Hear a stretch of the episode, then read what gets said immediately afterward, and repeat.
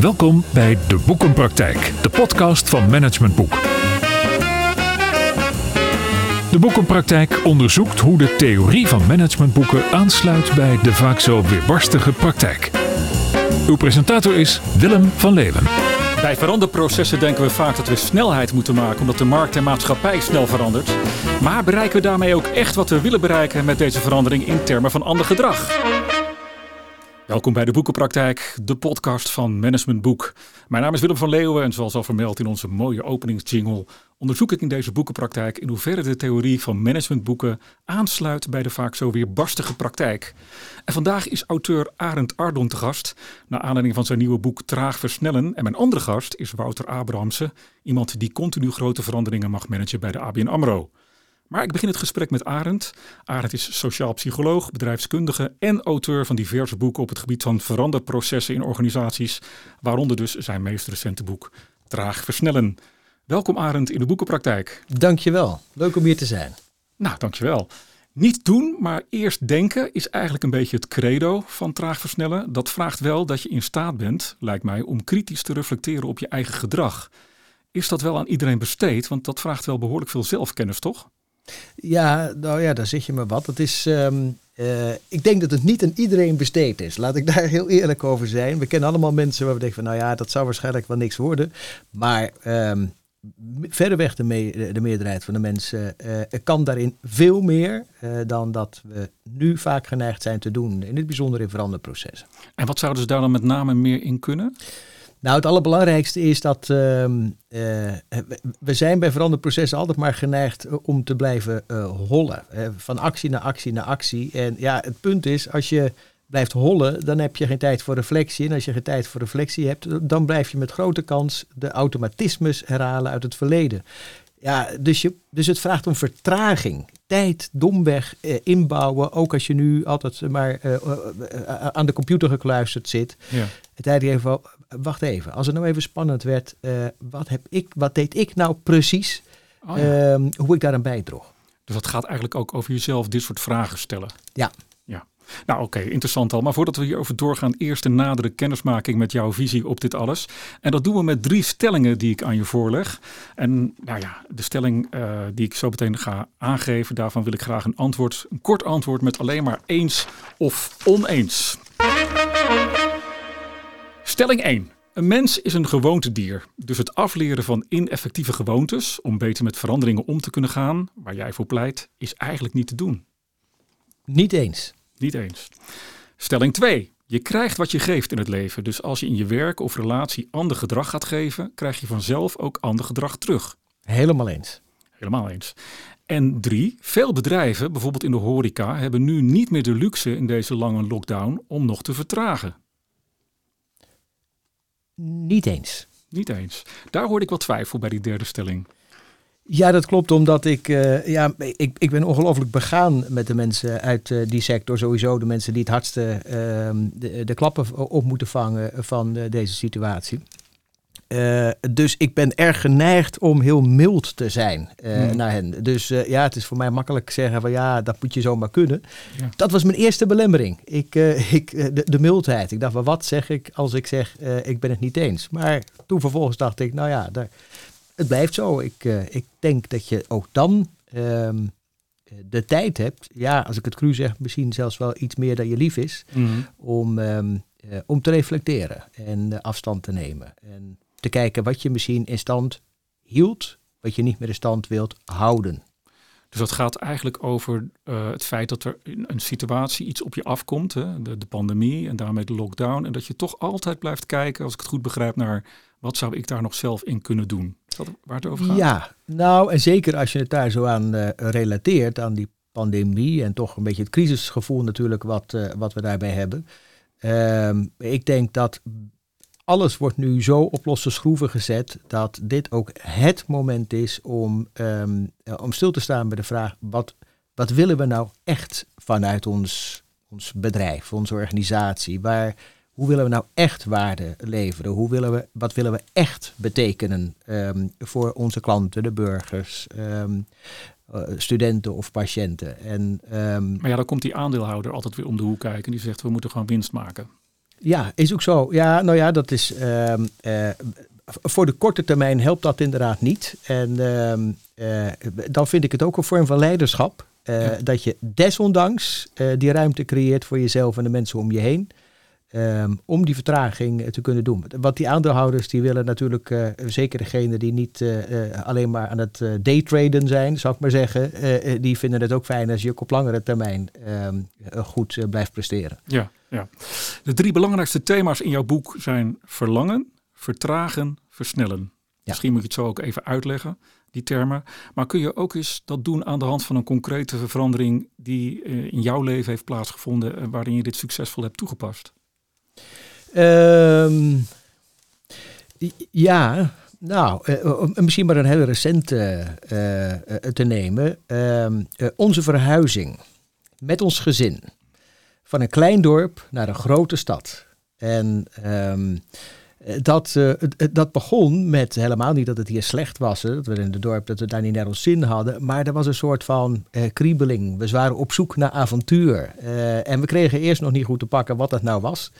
Ehm, eh, maar we hielden erg van de stad Utrecht, altijd al. En ehm, eh, we hebben dus ja, een- maand voor, bleek later, een maand voordat we de eerste lockdown hadden, zijn we verhuisd. Ja, maar dat begon echt met een soort verlangen van eh, naar het avontuur.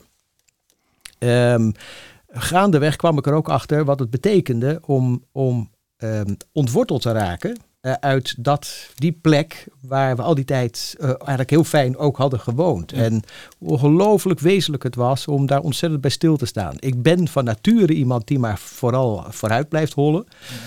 Maar ik merkte eh, hoe wezenlijk het was ontzettend stil te staan bij wat ik daar ging achterlaten ook. Ja. Ehm, en dat betekende zelfs dat ik de tuin, die daar een stuk groter was dan we nu hebben, eh, eh, eh, met tranen over de wangen heb, ehm, heb geharkt nog één keer.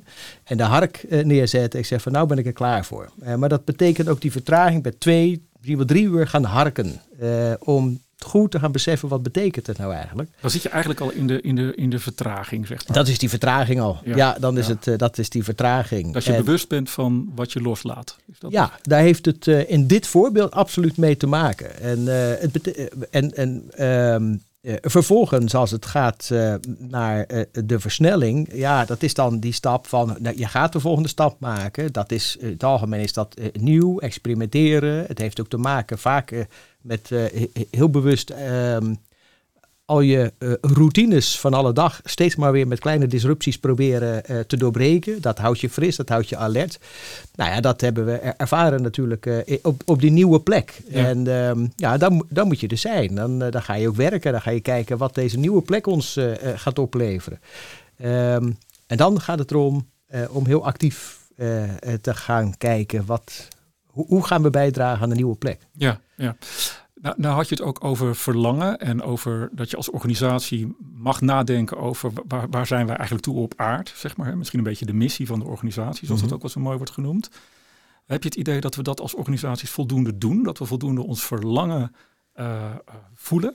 Ehm, in het algemeen ehm, eh, is mijn antwoord nee. Ehm, en ik zie wat het brengt als je daar veel explicieter bij stilstaat. Denk daarbij aan eh, op zich al, wat ik inmiddels al heel wat keren heb meegemaakt, is dat je met je afdeling, houd ik een beetje kleinschalig, de omvang van een afdeling, iedereen vraagt van joh, probeer je eens voor te stellen hoe het zou kunnen zijn over twee jaar droom is. ehm, waartoe we dan in staat zijn naar onze klanten, maar ook de manier waarop we met elkaar omgaan, wat voor klimaat we met elkaar hebben. Droom is. En ehm, eh, om vervolgens met elkaar in een sessie die dromen te delen. ja. Dat heb ik ook al online gedaan. Nou ja, dat, dat, ik heb nooit meegemaakt als dat niet een inspirerende sessie was. En ook mensen waarvan anderen eh, zoiets hadden, nou ja, die hadden niet kunnen bevroeden dat die collega überhaupt de laatste twintig jaar nog gedroomd had. Eh, die, die werden dan verrast door, door de prachtige eh, vergezichten en beelden Ja. die die mensen deelden. Ja, er was ook nog nooit naar hun droom gevraagd. En eh, dat verlangen waar het hen echt om te doen is. Dus ehm, mensen verrassen elkaar dan continu eh, met de meest mooie eh, beelden. En dan blijkt ook iedere keer dat in al die dromen dan heel veel gezamenlijke bouwstenen zitten. die een prachtige uh, ja, de basis vormen om dat gezamenlijke verlangen met elkaar te formuleren. Maar hoe kom je dan ehm, van, van dat dromen, wat, wat heel inspirerend is en waarbij mensen zich uitspreken, hoe kom je daar dan verder mee in termen van, nou, hoe zet je zo'n droom ook meer neer in de organisatie? Hoe ga je je droom ook echt verwezenlijken? Ja, um, nou eigenlijk zitten daar dan, die, als, als we dan toch weer dat, dat verlangen uh, vertragen en versnellen aanhouden, dus dan het verlangen. Um, ja, vervolgens staat je twee dingen te doen. Um, en uh, het eerste is om, en daar hoort het vertragen bij, te kijken van, en, en wat houden we nou allemaal al als gewoontes op dit moment in stand, die helemaal niet meer bijdragen aan dat verlangen wat we met elkaar hebben geformuleerd. Ehm, daar moet je echt voor gaan zitten. Uh, en um, daar horen typisch van die, van die, ik noem het trage vragen uh, um, bij. Uh, zoals van, oké, we merken dat als we dat verlangen en die vooruitgang willen realiseren, dat we toch vaak in een soort geharrewar terechtkomen, dat het moeizaam gaat. En daar gaan we ons erover beklagen dat het stagneert. Mm -hmm. Maar stel je nou voor dat je daar naar zou kijken en zeggen: Nou ja, stagnatie is niet het. Wij produceren, of wij produceren stagnatie met ons gedrag. Met hoe we handelen, met hoe we met elkaar omgaan. En je zou met elkaar stilstaan in de sessie bij de vraag: wat doen wij dan precies?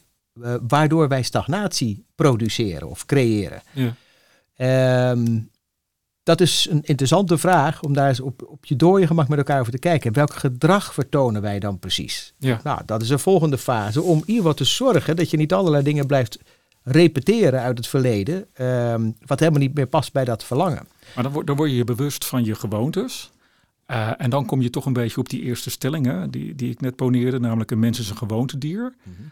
Um, dan weet je wat je gewoonte is, maar hoe verander je dan je gewoonte? Ja, ja en dan kom je dus eigenlijk op die laatste, de laatste fase. Um, dat gaat niet alleen maar met een goede intentie. Um, want uh, ja, dat, het is niet voor niks een gewoonte. Inmiddels zit die zo diep in ons brein verankerd dat uh, als we even niet ons bewust zijn, als we niet wakker zijn, dan gaan we hem automatisch weer herhalen voor je het weet. Ja? We kennen er allemaal voorbeelden van. en dus moet je wakker zijn. En, en hoe, een van de manieren om dat te doen is dat je heel bewust, ja, ik noem het wel kleine disrupties, gaat organiseren van al die gewoontes waar we zo gemakkelijk uh, uh, instappen. Dus dat betekent al, als je zegt, nou ja, we, we voeren ons werkoverleg altijd op een bepaalde manier. En nou ja, eigenlijk kun je er al een beetje half slapend kun je er doorheen. Het zijn immers routines. Uh, dat je dingen gaat doen die die routines doorbreken. Bijvoorbeeld. Um, je locatie veranderen. Of zeggen, nou weet je wat, uh, vanaf heden uh, gaat niet de highest in charge, maar de lowest in charge voorzitten. Mm. Uh, of dat we zeggen, we beginnen gewoon eens een aantal keer met muziek. Of iemand mag een gedicht uitzoeken of iets anders. en de, het zijn allemaal dingen van, hè, muziek, wat is nou voor gekkigheid? Maar het feit dat we zo al beginnen, ben je gelijk anders in zo'n sessie. Ja. Dus je bent wakker. En ja.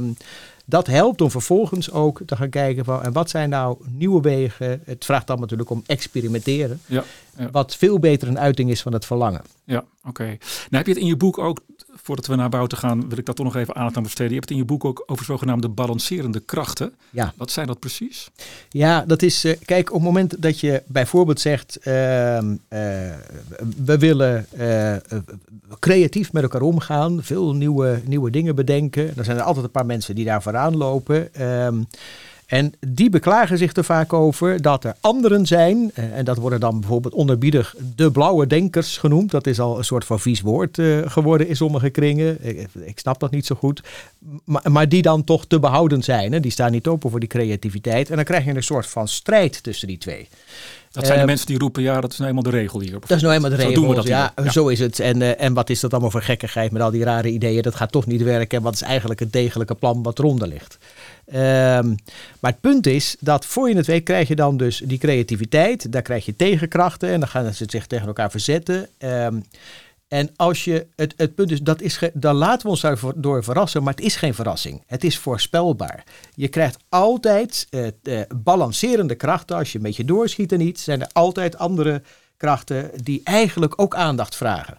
Nou, als je dat heb, je, heb je een voorbeeld daarvan? Uh, nou, deze gaat over creativiteit en, en, uh, en resultaatgerichtheid. Een andere is bijvoorbeeld die van ehm, we streven naar gelijkwaardigheid, maar het vraagt ook om ehm, erkenning van plekken. Dus een concreet voorbeeld, stel je voor, je, bent, je hebt een, een, een, nieuwe collega, neem je aan, die zegt van nou ja, bij het sollicitatiegesprek, wij zijn het team, we gaan hartstikke gelijkwaardig met elkaar om. Mooi, daar zijn we trots op en dat geeft een mooi vernieuwend klimaat. Hoort ook helemaal bij een innovatief klimaat. Nou, eh, vervolgens gaat die nieuwe medewerker, ook gelijk de jongste, die uh, voelt zich gelijkwaardig, dus zo werkt dat hier. En die gaat allerlei collega's, ook, ook mensen die al volop ervaring hebben, meteen van feedback voorzien over hoe, hoe zij dat aanpakken dat leidt dan toch tot wat irritaties. Nou, jij als leidinggevende bijvoorbeeld, of als senior denkt van, nou, daar ga ik toch eens een gesprek over aan. En dan gaat diezelfde medewerker gaat vervolgens jou feedback geven op ehm, eh, jouw manier van leiding geven. Nou, dat is allemaal hartstikke gelijkwaardig. En toch weet je zeker, je gaat dat balanceren. bij jou komt er een balancerende kracht op gang. Die uh, zegt van ja, wacht eens even, dit gaat me wat te ver. Ja. Dit was voorspelbaar, want uh, uh, gelijkwaardigheid dat werkt onder voorwaarde dat er ook uh, respect is voor, waardering is voor de plekken die je vertegenwoordigt in de organisatie. Dat is niet hetzelfde als hiërarchie, uh, maar het hangt er wel mee samen. Het is geen pikorde, zeg maar. Het is geen pikorde. Nee, nee, nee. Het is eigenlijk een, een term uit de systeemdynamica, uit systemisch werken. Ja. Ja, um, en als je dat van tevoren weet, dan wordt dat ook weer niet de strijd. dan kun je er eigenlijk al als het het ene doorschiet, eh, daar komt vanzelf de balancerende kracht. Wees daarop voorbereid en zorg daar vanaf het begin af aan dat je daar rekening mee houdt. En die balancerende kracht is dan eigenlijk een soort begrenzing dat je niet doorschiet. In... Dat is het. Ja. Eigenlijk een heel gezonde kracht, waar je dus niet tegen moet strijden. Maar moet zeggen, gelukkig dat we dat in onze organisatie hebben, want dan vliegen we niet te snel uit de bocht. We hebben ook Wouter Abrams in de studio. Wouter is IT Delivery Lead bij de afdeling Investments and Advice bij ABN AMRO. Voordat jij de casus inbrengt uh, uh, naar Arend, uh, Wouter, ben ik even nieuwsgierig. Wat doet een IT Delivery Lead precies? Uh, dankjewel Willem. een IT Delivery Lead geeft, geeft eigenlijk leiding en sturing aan een, een stukje van de IT-organisatie van ABN AMRO. in dit geval ben ik verantwoordelijk voor tweetal producten binnen, binnen dat fenomeen. Dat is dan investments en advies. Um, en, en daarmee uh, werken wij samen met een business counterpart voor deze producten om uh, onze dienstverlening naar onze klanten van ABN AMRO zo goed mogelijk, uh, zo innovatief mogelijk en met veel vernieuwing te leveren. Nou is dat volgens mij een omgeving waarin je heel erg wendbaar naar klanten moet zijn. Hè? Dus je moet volgens mij snel kunnen veranderen. Ik heb mezelf laten vertellen dat jullie met agile werken. Dus dat gaat ook over flexibel en snel kunnen inspelen op, op verwachtingen van klanten. Klopt dat? Ja, dat klopt, uh, dat klopt absoluut. Uh, uh, kijk zeker naar een product als bijvoorbeeld investments. Ik denk dat, eh, dat als je puur kijkt naar de, in de financiële markt en, en de, de afname van, van interesse in spaarproducten, maar juist de toename in de interesse in bijvoorbeeld beleggingsproducten, dan moet je proberen zo, zo goed mogelijk in te kunnen spelen op veranderingen in de markt moet je ook inderdaad daar zo wendbaar mogelijk je organisatie op, uh, op sturen. En inderdaad, wij zijn, uh, wij zijn onderdeel van een, uh, van een grotere organisatie, maar wel inderdaad proberen wij zo goed mogelijk en zo agile mogelijk en zo wendbaar dus mogelijk die organisatie te kunnen zijn. Hoe gaat dat nou? Want we hebben het net met Arend heel erg gehad over vertragen, versnellen. Dus het gaat heel erg over gedrag. Hè? Uh, hoe verloopt zo'n verandering nou op het gebied van gedrag? Merk je dat dat dan lukt om mensen mee te krijgen in die verandering? Uh, ja, dat, dat, dat, uh, dat is best een, een, brede vraag die je stelt, Willem. Want hoe merk je dat mensen veranderen in hun gedrag? Dat, is, dat, ik, zie je, dat zie je, dat ze zich anders aan het gedragen zijn. Dat, dat, is, nou, dat, is absoluut, dat is absoluut waar. Ik denk wel dat, dat zeker in een grote organisatie dat dat uh, uh, nou misschien vanzelf al traag gaat. Hè? Dus, uh, dus hoe breng je verandering in een, in een agile organisatie of verwachtingen van een agile organisatie en hoe merk je dat terug bij, bij, bij je organisatie en bij je mensen? Je ziet daar denk ik een, een, een, een langzame verandering uiteindelijk zeg maar, binnen de organisatie die nodig is. wat bedoel ik daarmee? Daar bedoel ik mee eigenlijk dat je moet wennen aan het kortcyclisch veranderen. En wat betekent dat nou? En hoe, hoe wendbaar ben ik nog als organisatie in een groter geheel op het moment dat ik op hele kleine brokjes de hele tijd snel moet bijsturen. Klinkt allemaal heel moeilijk voor mij. Kort cyclisch veranderen, wendbaar. Maar, maar laten we gewoon uh, Arend erbij betrekken, want die is de expert. Ehm, welke casus zou jij uh, willen voorleggen aan, aan Arend, Wouter? Nou, ik heb, ik heb Arend's boek gelezen over het traag versnellen. En zeker sprak mij dat enorm eigenlijk aan. Waarom? vanwege het feit dat ik, dat ik absoluut geloof eigenlijk in het stuk van verlangen, goed reflectie uiteindelijk zeg maar neerzet voor jezelf van, van wat moet er dan veranderen om dat verlangen uiteindelijk zeg maar waar te kunnen maken. En dan tot slot uiteindelijk zeg maar die versnelling in te brengen om dat uh, door te voeren. Dus dat vind ik, uh, ik vind het heel herkenbaar. de casus die ik wel in wil brengen, en dat is, dat is natuurlijk ook vanuit mijn achtergrond. Ik kom vanuit een grote corporate organisatie, zoals we dat ook wel een beetje noemen.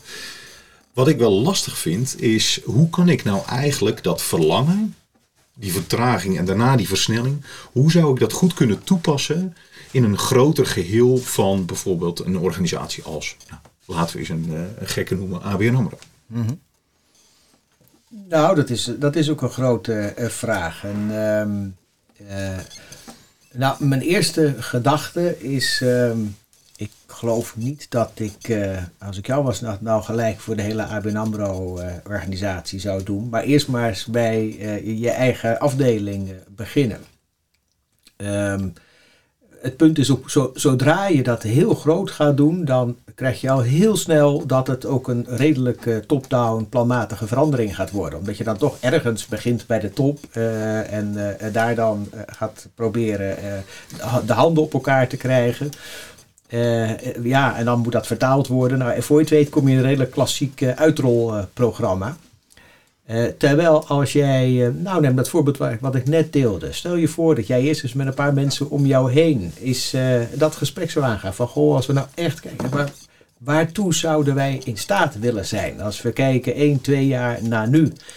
Um, en daar iedereen ook eerst individueel maar eens over na laten denken. Om daar vervolgens die die beelden te delen.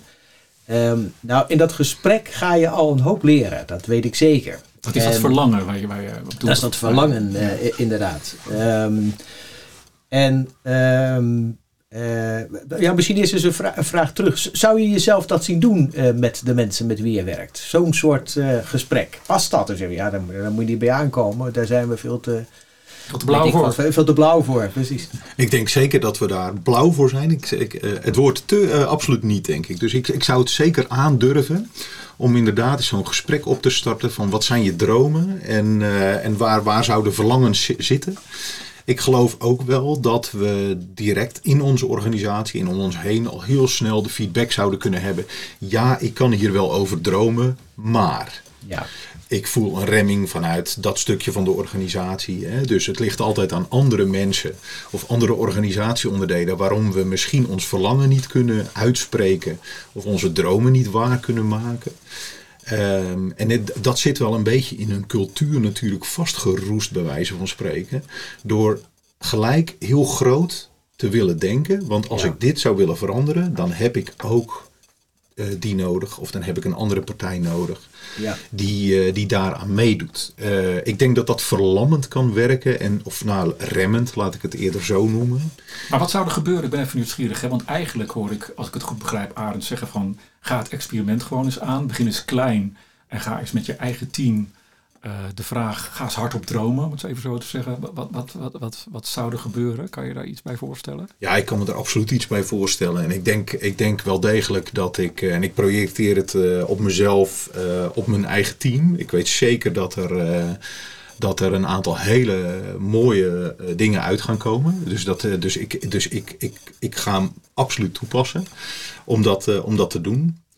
echter, wat ik net ook schets, en dat is dan toch ook wel welke hulp zou ik nou nodig hebben om die verlamming, die denk ik snel om de hoek komt kijken, uh, om die verlamming eigenlijk eruit te halen.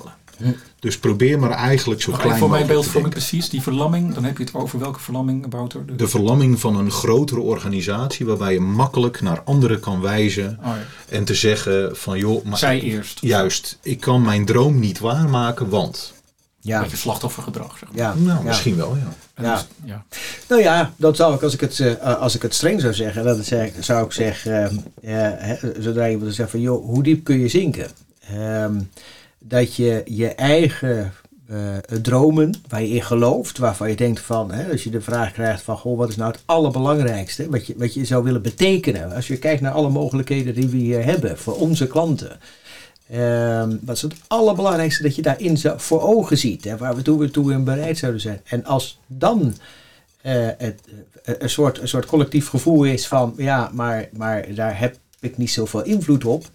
Dan ben ik bang dat inmiddels eh, een heleboel invloed die, die je wel hebt, dat je dat over het hoofd ziet. Eh, en, en voor je het weet, ja, in het boek schrijf ik ook wel over remmende en lerende taal. Voor je het weet wordt dat ook lerende taal. Hè? Dat we, of remmende taal, dat we gaan praten in termen van ehm, eh, dat de organisatie eerst maar eens moet, eh, puntje, puntje, puntje. Wie, ik zou bijna zeggen wie de fok dan ook de organisatie is, maar in ieder geval niet ik. Dat, Allemaal excuses eigenlijk om Ja. zelf niet in beweging te ja, komen. precies. En daar zit, daar zit niet een negatieve intentie achter. En dat vind ik altijd eh, eh, de- Maar het is eerder een soort van. Nou, dat is nou typisch zo'n gewoonte die we met elkaar eh, em, hebben, hebben ingebracht. Waar we het volstrekt normaal gaan, zijn gaan vinden.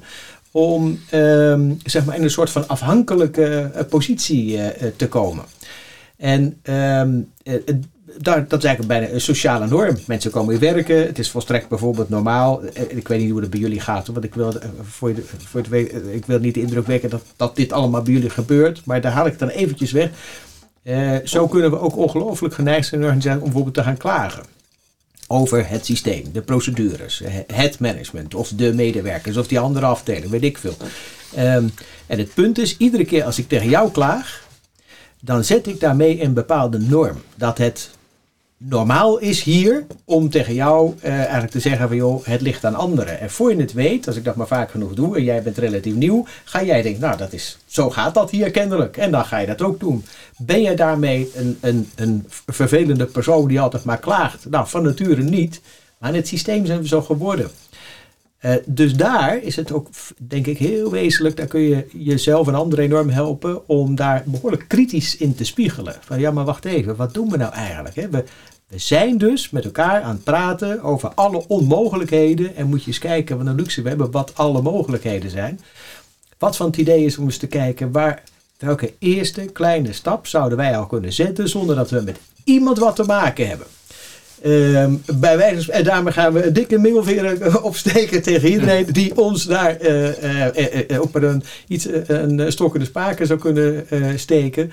Maar wij gaan op dat punt het verschil maken. En dat is ook ergens, daar zit de energie. En stel je voor dat je daartoe in staat zou zijn. Dat we ook zouden zeggen van goh, en, en stel nou voor dat we zeggen, nou weet je, we, hebben het niet meer over de dingen wat niet kan.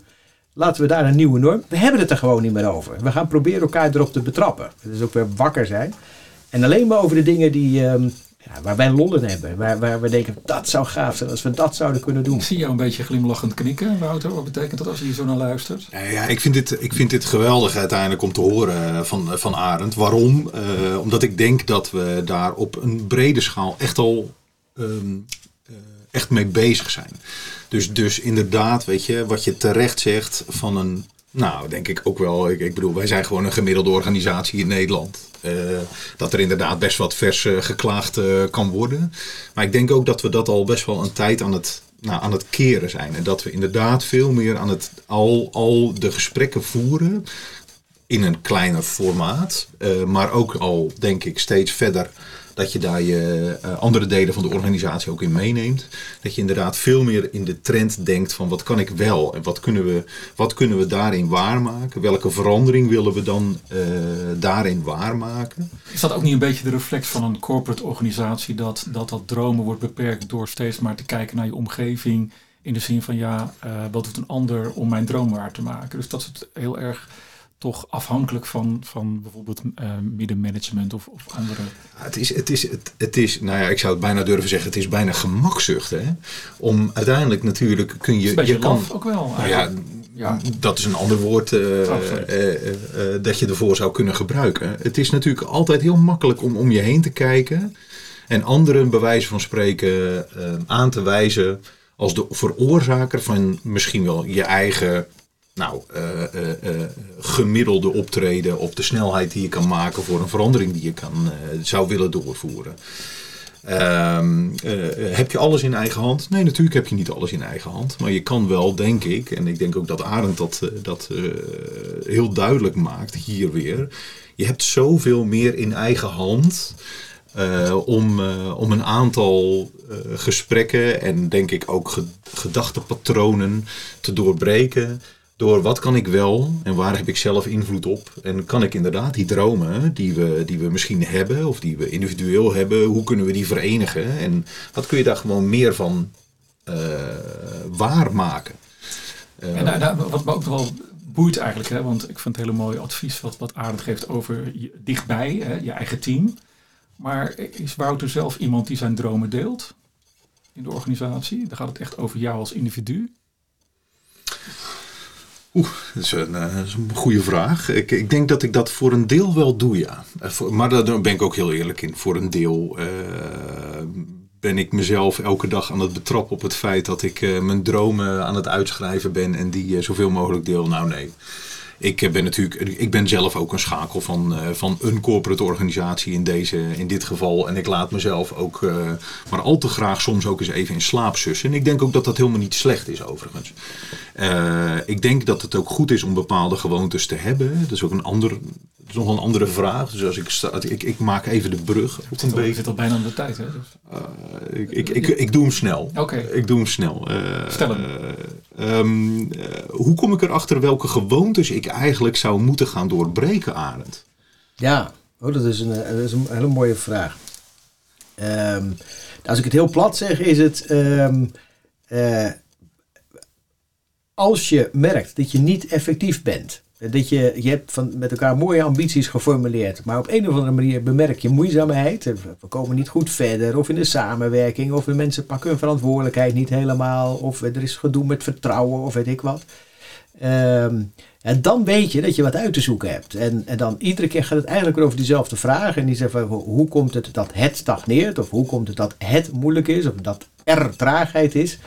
Iedere keer gaat het erover, joh, wat doen wij met elkaar? Allemaal met de beste intenties, maar met ons gedrag, waardoor we dit, dit creëren. Waardoor we de rem zetten op onze eigen ambities. Wat natuurlijk hartstikke jammer is, waar nooit iemand waarschijnlijk de intentie heeft om dat te doen.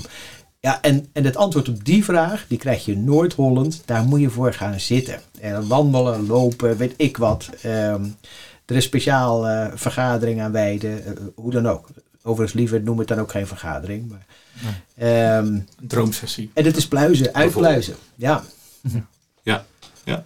Ja, hartstikke goed. Dankjewel. Dankjewel. Ja, wat is de, ja, dankjewel. Maar wat is de belangrijkste? Wat, wat, ga, je, wat ga je er morgen mee doen? Wat, wat kan je hiervan meenemen? Daar ben ik gewoon even nieuwsgierig naar. Nou, ik ga in ieder geval uh, lekker verder dromen uh, morgen. dus, dat, uh, dus daar ga ik mij alle tijd toe, toe zetten.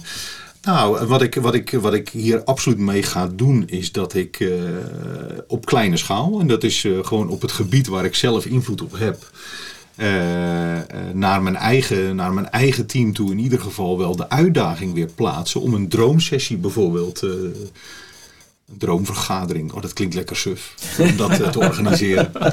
En, uh, en daar, uh, en daar met een agenda. Eens, ja. Met een agenda. Ja. Die wordt voorgezeten door, door de hoogste, de highest in charge. Om ja. het dan maar zo te noemen. Nee, maar zonder flauwekul. Een droomsessie vind ik echt een hele leuke uitdaging. Die makkelijk en goed en effectief is toe te passen. Oké. Okay. Wil jij nog iets over, aan toevoegen of iets over zeggen over deze kaas en deze vraag? Ja, nou, misschien nog een laatste gedachte. Kijk, ik, dit vind ik super uh, gaaf, dat je dat, dat, je dat gaat oppakken. En um, allereerst, daar, daar wens ik je ontzettend veel plezier en inspiratie bij. En en we hebben het nu ook vooral over dat dromen en die vertraging om die, die gewoontes te doorbreken. En ik ben blij dat je net zei van, goh, en er gebeurt ook al van alles. En daar gun ik je van, ga, ga vooral heel goed kijken waar je het al ziet ontstaan. En ga dat maximaal aan de schijnwerper zetten, omdat dat allemaal bewijskracht is dat het kan. Uh, ieder voorbeeld is bewijskracht. En dat hebben we met elkaar ook vaak nodig. Um, Dus dat wou ik er nog aan toevoegen. Absoluut, absoluut. Ik ben er heilig van overtuigd ook inderdaad dat het ook zo is. En inderdaad, we hebben tal van zulke soort kleine veranderingen. En voor mij al genoeg bewijs dat er, dat er genoeg beweging in de organisatie zit. Dankjewel. Mooi. Heren, dankjewel. Zowel Arend, Ardon als Wouter Abrams. Bedankt voor jullie deelname. Ik vond het heel inspirerend en ook mooi uh, dat, dat er zo'n concrete takeaway eigenlijk uh, gecreëerd is. Ik verwijs, verwijs, jou als luisteraar van deze podcastaflevering heel graag naar de volgende aflevering, die over twee weken weer op alle grote podcastkanalen te vinden zal zijn. Daarin is corporate antropoloog en auteur Jitske Kramer te gast, die in tien weken tijd, vind ik een hele prestatie tijdens de tweede lockdown, haar boek Werk heeft het gebouw verlaten schreef. Met haar gaan we praten over hoe corona ons in een collectieve cultuurshock heeft gestort en wat de impact hiervan is op ons werkende leven. Overigens, het boek Traag Versnellen van Arend Ardon is natuurlijk te bestellen op managementboek.nl. Rest mij je hart te bedanken voor het beluisteren van deze podcast. Heb je vragen, opmerkingen of suggesties? Mail dat dan naar info.managementboek.nl. En je kan je ook abonneren op deze podcast, zodat je nooit meer een aflevering hoeft te missen. Tot zover de praktijk van boeken. Kijk voor meer afleveringen of een abonnement op de boekenpraktijk op managementboek.nl/slash podcast. Je vindt ons ook op Spotify, Apple Podcast, Google Podcast en Soundcloud. Hartelijk dank voor het luisteren en graag tot de volgende podcast.